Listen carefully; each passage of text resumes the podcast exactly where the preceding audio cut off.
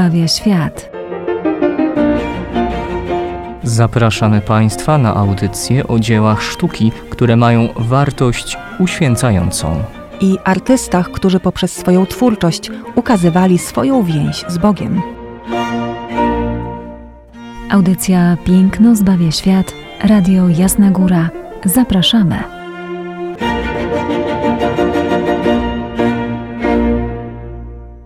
Witamy Was serdecznie, drodzy radiosłuchacze, w kolejnym e, spotkaniu audycji Piękno zbawia świat. Ojciec Tomasz Mordziałek i Izabela Banaszewska. Dzisiaj spotykamy się w trzecią niedzielę e, zwykłą i niezwykłą niedzielę. Dlaczego niezwykłą? E, gdyż od czasu pontyfikatu papieża Franciszka, dokładnie 2019 roku, trzecia niedziela zwykła przeżywana jest w Kościele Powszechnym jako niedziela Słowa Bożego. Zagłębiamy się w tajemnicę Słowa Bożego, chytając po Biblię, po to, w czym e, Bóg się objawił, czyli przez swoje Słowo. A przez to postanowiliśmy dzisiaj przedstawić Wam, drodzy radiosłuchacze, przedziwny, zwyczajny, ale związany ze Słowem Bożym obraz przedstawiający świętego Jana Kapistrana, głoszącego kazanie w Bambergu. Obraz pochodzi z 1470 roku, znajduje się w Muzeum Historycznym e, miasta Bamberg właśnie i na tym obrazie widzimy w taki bardzo dokładny sposób e, przedstawiony rynek miejski. Jest to jeden właśnie z obrazów historycznych, ukazujących, jak wyglądało miejskie życie codzienne, w jaki sposób głoszono kazania, głoszono dobrą nowinę. Oczywiście przyzwyczailiśmy się do tego, że kazania głoszone są w kościołach podczas mszy świętej, ale jak się okazuje, nie tylko. Mamy w obrazie, do czego za chwileczkę powrócimy, kaznodzieję, który głosi dobrą nowinę, wzywa do nawrócenia, także do pokuty na Areopagu, współczesnym sobie Areopagu, czyli e, na miejskim placu przed e, ratuszem, przed siedzibą władzy. Bardzo ciekawy jest e, bohater tego obrazu, święty Jan Kapistran. Jego żywot właściwie pokazuje człowieka sukcesu, tak mi się ojcze wydaje, bo dość dobrze urodzony, dość dobrze wykształcony, prawnik, ale to nie tylko, bo gdybyśmy powiedzieli, że tylko prawnik, to zdecydowanie zaciemnilibyśmy obraz tej postaci. Legat papieski to także jeszcze nie oddaje specyfiki charakteru i może charyzmatu tego człowieka niezwykłego, bo e, przede wszystkim to wydaje mi się, że on tutaj władał czymś, co przydaje się bardzo rządzącym, czyli e, takim kunsztem erystycznym. Przede wszystkim sztuka dyskutowania, którą opanował do perfekcji, łagodzenia sporów, dyplomacji, no i takiego przekazywania dobrej nowiny w taki sposób, aby łowić dla Chrystusa wiernych. Zgodzę się jak najbardziej. Y, Jan Capistran, czy inaczej z włoskiego jako Giovanni de Capestrano, był również inkwizytorem z ramienia papieża, czyli tym, który miał walczyć z herezjami. I tak też to czynił. Jego kazania, jako też wybitny kaznodzieja, zbierały tłumy naprawdę to tłumy. Gdy Jan Kapistran odwiedził e, Polskę, kiedy był w Krakowie, podania mówią o tym, że rynek krakowski nie był w stanie pomieścić tych rzeszy, tego całego tłumu, który przyszedł, aby słuchać właśnie świętego Jana Kapistrana. On również e, był człowiekiem ogromnej duchowości i jednocześnie pragnienia e, życia charyzmatem świętego Franciszka z Asyżu bardziej radykalnie. Należał do nurtu e, zakonu franciszkańskiego, który właśnie dążył do powrotu do korzeni, aby nauka Franciszka, świętego Franciszka, jego życie bardziej objawiało się, bardziej radykalnie przedstawiało się e, w życiu jego współbraci. Dlatego też był w drodze tak zwanych obserwantów, jednym e, z założycieli, tak oni określają Jana Kapistrana, gałęzi odłamu braci mniejszych, obserwantów w Polsce znanych jako e, braci Bernardynów, dlatego że pierwszy klasztor, który został założony, to był właśnie świętego Bernarda w Krakowie, zaraz przy Wawelu. Kolejnym klasztorem założonym franciszkanów obserwantów był w Warszawie. Wspominam o tych klasztorach, szczególnie o klasztorze warszawskim, gdyż właśnie z powodu kazania e, świętego Jana Kapistrana ludzie tak pociągnięci e, jego słowem postanowili oddać swoje życie Chrystusowi właśnie w drodze świętego Franciszka, by być, stać się zakonnikami. Mówimy tutaj na pewno o wielkiej wadze umiejętności kaznodziei, bo jest to zawsze znamienne, pewne naturalne, wrodzone umiejętności, nabyte, wyuczone, ale nie możemy zapominać o tym, co jest niezbędne zawsze w czytaniu Słowa Bożego, przepowiadaniu, że działa w tym wszystkim Duch Święty. A więc mamy płomiennego kaznodzieja, dzięki któremu nawracają się rzesze, który głosi wielogodzinne kazania. Ludzie, e, którzy przybywają słuchać e, Jana Kapistrana, nagle przemieniają swoje życie. Mm, nagle okazuje się, że chcą żyć w inny sposób, chcą żyć Biblią, Słowem Chrystusa. Zresztą bardzo ciekawe jest również samo powołanie świętego Jana Kapistrana, który słyszy w duszy głos e, Chrystusa również poprzez objawienie mu się świętego Franciszka z Asyżu, który to zaprasza go do wstąpienia do zakonu. To bardzo ciekawe, bo słyszy ten głos podczas uwięzienia. Otóż Jan Kapistran, e, mając 26 lat, e, będąc już prawnikiem, pracuje jako dyplomata na dworze króla Neapolu. Dwa lata po tym, jak podejmuje tę pracę, wybucha wojna. On zostaje uwięziony.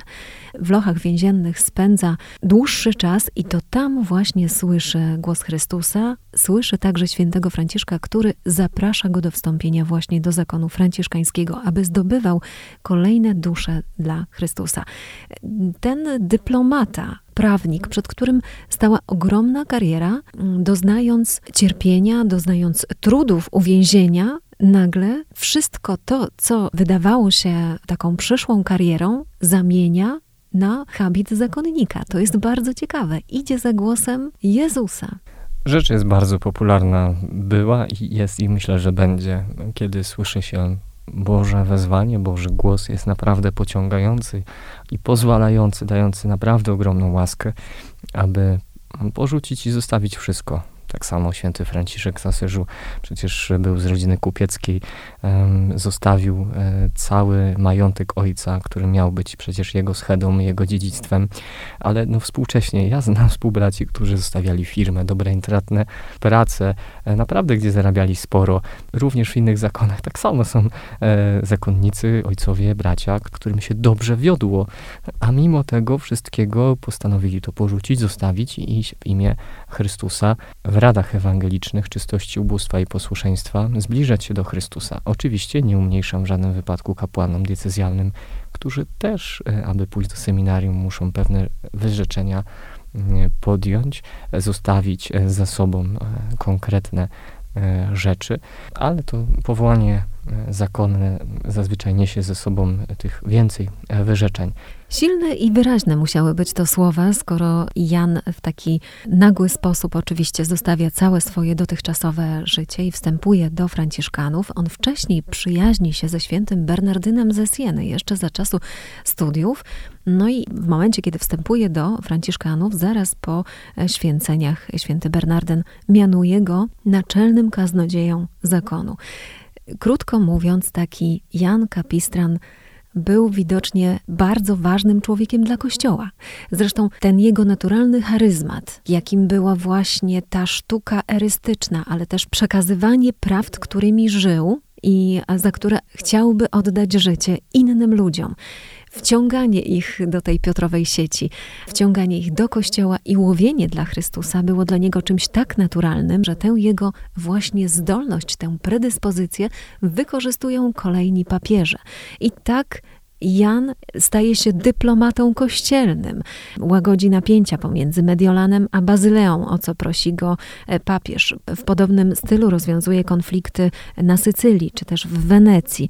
Udaje się także w pielgrzymkę do Ziemi Świętej, gdzie nawołuje prawosławnych hierarchów do udziału w Unii Florenckiej w 1439 roku. Wszystko to ma służyć jedności. I generalnie dziś święty Jan Kapistran jest uznawany za takiego patrona zjednoczonej po schizmie Europy. Oczywiście jest dziś także patronem prawników, ale patrzymy dziś na e, właśnie to niezwykłe dzieło sztuki, na obraz e, przedstawiający świętego Jana Kapistrana głoszącego na rynku w Bambergu, jako nie tylko takie historyczne odbicie opowieści o człowieku, ale też właśnie tej jego wyjątkowości, bo obraz ten pokazuje wyjątkowość charakteru świętego, tej niezwykłej charyzmy, która to powodowała, że ludzie nawracali się nie tylko indywidualnie, ale nawracali się zbiorowo. No i mamy tego też obraz e, właśnie na naszym dzisiejszym przedstawieniu. A co przedstawia dokładnie nasz obraz? Widzimy przede wszystkim jako e, centralną postać e, samego świętego Jana Kapistrana, głoszącego właśnie kazanie, wskazującego prawą ręką e, do góry na, na niebo, czyli na Boga, czy może mi się przynajmniej tak osobiście kojarzy ten palec wzniesiony, uważajcie, nie? skupcie się, mam bardzo istotną rzecz do powiedzenia. Natomiast w lewej ręce trzyma monstrancję. Mamy tam monstrancję przedstawiającą jako słońce też często takie znane z naszych kościołów, bo są teraz chyba najbardziej popularne. Święty Jan Kapistran jest na swego rodzaju podwyższeniu konkretnej ambonie. Wokoło niego mamy ogromny tłum e, gawiedzi, e, ludzi, którzy słuchają. Widzimy postawy też e, pobożnościowe, złożone ręce i coś, co faktycznie się działo w momencie, kiedy były głoszone przez kapistrana kazania, ludzie rozpalali ogniska. Widzimy to u dołu obrazu, niewielkie płomienie. Ludzie, słuchając świętego Jana Kapistrana, rozpalali ogniska i wrzucali tam rzeczy zbytku tego świata. Chociażby jak lustra, maski, kości, karty do gry, nawet szachy. Tak się działo też we Wrocławiu, e, na Placu Solnym. E, o tym mówią akurat kroniki, gdzie też Jan, święty Jan Kapistran również był i również głosił e, kazania. Widzimy też w tej kwestii tłumu, akurat na dalszym planie, jak w oknach ratusza, który jest zaraz za główną postacią, w oknach widzimy również małe postacie, które są i przysłuchują się zapewne wielkiemu kaznodziei. Nawet patrząc na też drugi plan po lewej stronie, gdy przyglądamy się na obraz, widzimy nadchodzącego biskupa, bo e, poznajemy to po charakterystycznej e, czapce, czyli mitrze, którą przecież biskupi e, noszą, więc i również dostojnik hierarcha kościelny przybywa, aby posłuchać świętego, by również napełnić się Słowem Bożym. Jeśli chodzi o takie e, wartości kompozycyjne tego obrazu, na który spoglądamy, to oczywiście centralną, najważniejszą postacią jest e, święty Jan w habicie, ukazany tutaj w momencie głoszenia kazania. Nie mamy co do tego wątpliwości, że jest on postacią najważniejszą w tym obrazie i że jest to obraz jemu poświęcony, ponieważ proporcjonalnie jego postać jest największa na całej tej tablicy. Można by się zapytać, cóż to za pomieszczenie, do którego wszedł e, święty Jan e, na planie sześciokąta foremnego, wyglądające jak studnia. No nie jest to raczej studnia, jest to prawdopodobnie rodzaj ambony. Chciano tutaj oddać to, co robi święty Jan, to, że głosi kazanie, poprzez co wprowadzono tutaj formę ambony. Może to być również aluzja do Ołomuńca, gdzie kilka lat wcześniej Święty Jan Kapistran, bo przemierzał przecież nie tylko e, Włochy, Austrię, Niemcy, e, także Polskę, o czym ojciec e, Tomasz wspomniał, Węgry i Czechy, aby zjednoczyć Europę w krucjacie przeciwko Turkom osmańskim. W Ołomuńcu doszło również do podobnego wydarzenia. Wokół świętego Jana zgromadził się tłum, natomiast miejsce, w którym kaznodzieja ten głosił kazanie, kilka lat później zostało miejscem uświęconym. Tam powstał Kościół Niepokalanego Poczęcia Najświętszej Maryi Panny i klasztor obserwantów. Takie to klasztory zakładał w kolejnych miejscowościach, gdzie, gdzie się znajdował. Powstały również takie i dwa klasztory w Polsce. Dlatego też ta forma geometryczna, która bardzo nam przypomina ambonę w kościołach, nie tylko e, średniowiecznych, również i nowożytnych, może być właśnie aluzją nie tylko do samego warsztatu kaznodziejskiego, ale i do miejsca sakralnego, jakim był e, właśnie kościół w Ołomuńcu. Bardzo ciekawe kompozycyjne potraktowanie tego obrazu centrum już wiemy, w strukturze jakiejś murowanej, przypominającej ambonę stoi mężczyzna, zakonnik głoszący kazanie, ale wokół niego, nieco niżsi oczywiście, zgromadzili się przedstawiciele miasta. I są tutaj przede wszystkim mieszczanie. Jest to obraz średniowieczny, anonimowy, a zatem został tutaj w piękny sposób oddany izokefalizm. Jest to taka technika, która ukazuje na jednej przestrzeni e, ogromny tłum, który zostaje wydobyty poprzez malowanie samych tylko głów, mniej więcej na jednej wysokości.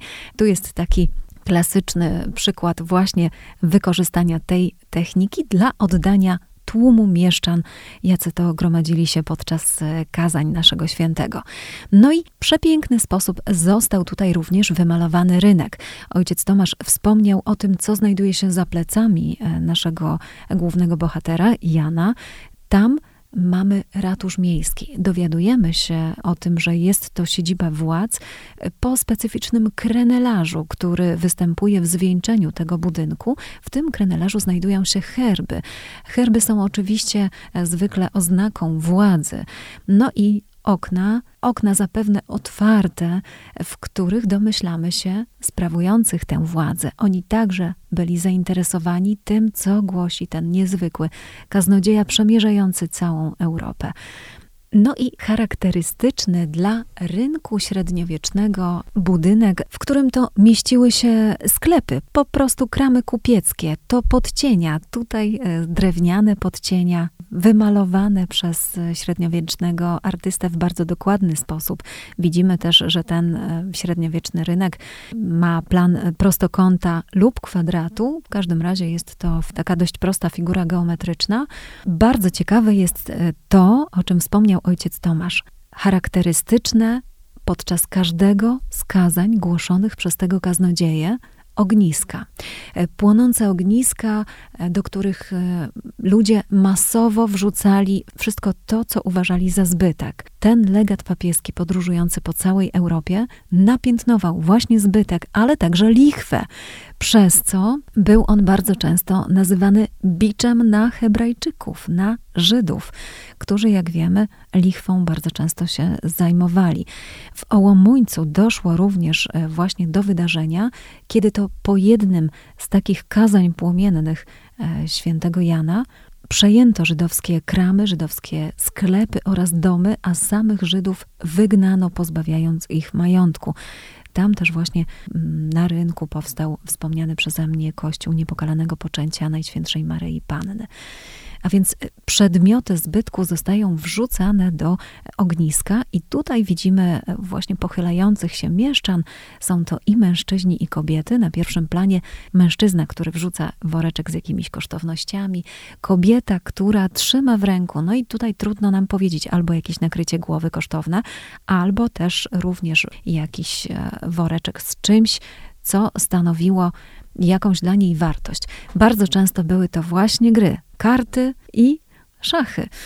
No, tego nie wiemy, dlaczego szachy były, zostały uznane za taką niechlubną e, grę, ale e, prawdopodobnie chodziło również o to, aby pozbywać się rzeczy, które odciągały nas od Chrystusa. Sięgamy po ten obraz e, kazania świętego Jana Kapistrana, jak wcześniej wspomnieliśmy, w niedzielę Słowa Bożego, aby również i w tym aspekcie się zagłębić i jego poruszyć, gdyż kaznodzieja e, powinien opierać się i opiera się na słowie Boga, przede wszystkim nie na swoich wymysłach, nie na tym, co uważa za słuszne, lecz na tym, co przekazuje Bóg, jednocześnie o czym też mówi tradycja Kościoła i co ona również wyciąga z objawienia. Warto o tym e, pamiętać, a jednocześnie samemu również e, sięgać po e, Biblię, bo ta niedziela jest ku temu, aby zachęcić całą wspólnotę Kościoła, wszystkich, którzy w niej się znajdują, by czytać e, Biblię, bo jak e, powiedział święty ojciec Pio, jestem przerażony stratami, jakie ponoszą dusze zaniedbujące czytanie Pisma Świętego. Sam papież Franciszek wspominał, że dobrze, aby mieć Biblię zawsze przy sobie, e, taką najmniejszą, małą kieszonkową, chociaż wiem, że to jest trudne w dzisiejszych czasach, bo pierwszą rzeczą, którą mamy przy sobie, to jest przede wszystkim telefon, więc można to zaktualizować i mieć aplikacje.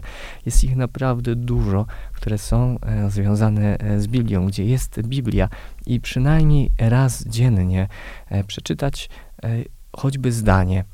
I nie ma się czym przejmować, że na początek mogę nic nie rozumieć, bo sam e, Bóg w słowa proroka Izajasza daje takie słowa: Słowo, które wychodzi z ust moich, nie wraca do mnie bezowocne, zanim wpierw nie dokona tego, co chciałem i nie spełni pomyślnie swego posłannictwa.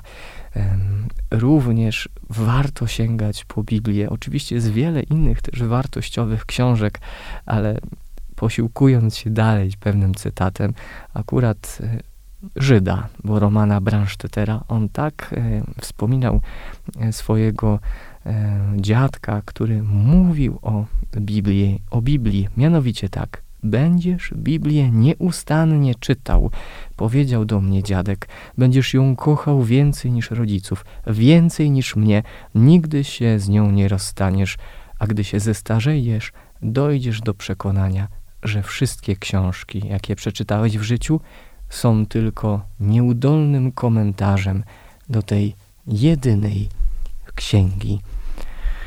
Sięgajmy e, po, po Biblię, bo mamy przecież zawsze pragnienie tego, by rozmawiać z Bogiem, by e, Go słuchać, chcieć odpowiedzi od Niego, a ono przede wszystkim znajduje się, znajduje się w Biblii.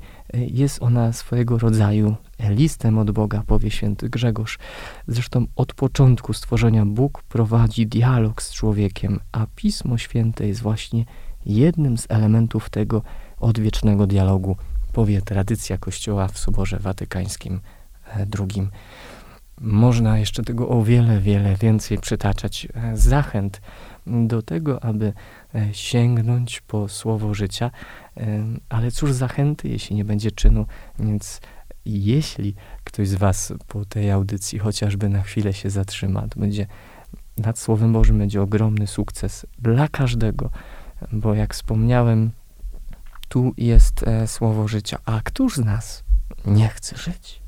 I to będzie chyba kolejny sukces Jana Kapistrana, tym razem już świętego, bo Biblia była również i księgą jego życia.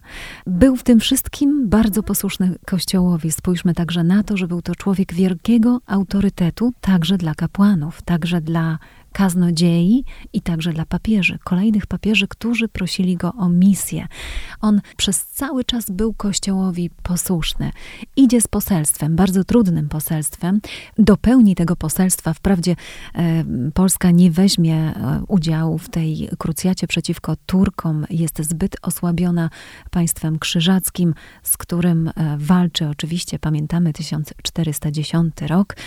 E, Polska mocno osłabiona przez krzyżaków, ale Polska, jak pamiętamy, będzie później. W latach e, Jana III Sobieskiego walczyła przeciwko Turkom, więc też e, swój kamyczek do tej krucjaty dołoży. Natomiast udaje się świętemu Janowi zjednoczyć Europę przeciwko Imperium Osmańskiemu. Dochodzi do takiej bitwy pod Belgradem i tam co robi nasz święty?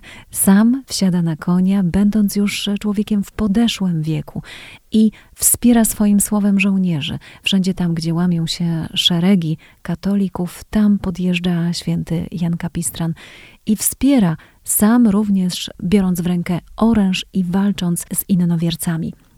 Jest przy tym naprawdę przykładem przepięknego świętego i choć nie ginie jako męczennik, to można powiedzieć, że w pewnym sensie ponosi swoje męczeństwo w taki sposób, że umiera jako wyczerpany dwa miesiące po e, tej niezwykłej bitwie, która przynosi oczywiście sukces e, katolikom. Więc e, wyczerpany do cna możliwości. Po tym, jak udało mu się zjednoczyć Europę, przeciwko napływającej nawale tureckiej. Dokonuje swojego żywotu, mając świadomość, że dopełnił tej misji, którą zlecił mu papież Mikołaj V. Przepiękny człowiek, przepiękna postać, e, bardzo ciekawy święty, z którym to dziś zostawiamy Państwa, oczywiście sugerując, tak jak święty Jan Kapistran, zaglądanie do Słowa Bożego i trzymanie się Biblii. Ognisk nie musimy rozpalać. Do usłyszenia w następnym odcinku. Zapraszamy Was serdecznie i oczywiście poprzednie nasze spotkania są dostępne na Spotify, Apple Podcast, Podbin i jednocześnie oczywiście na stronie Radia Jasna Góra w archiwum audycji Piękno zbawia świat. Dziękujemy za uwagę. Do usłyszenia za tydzień.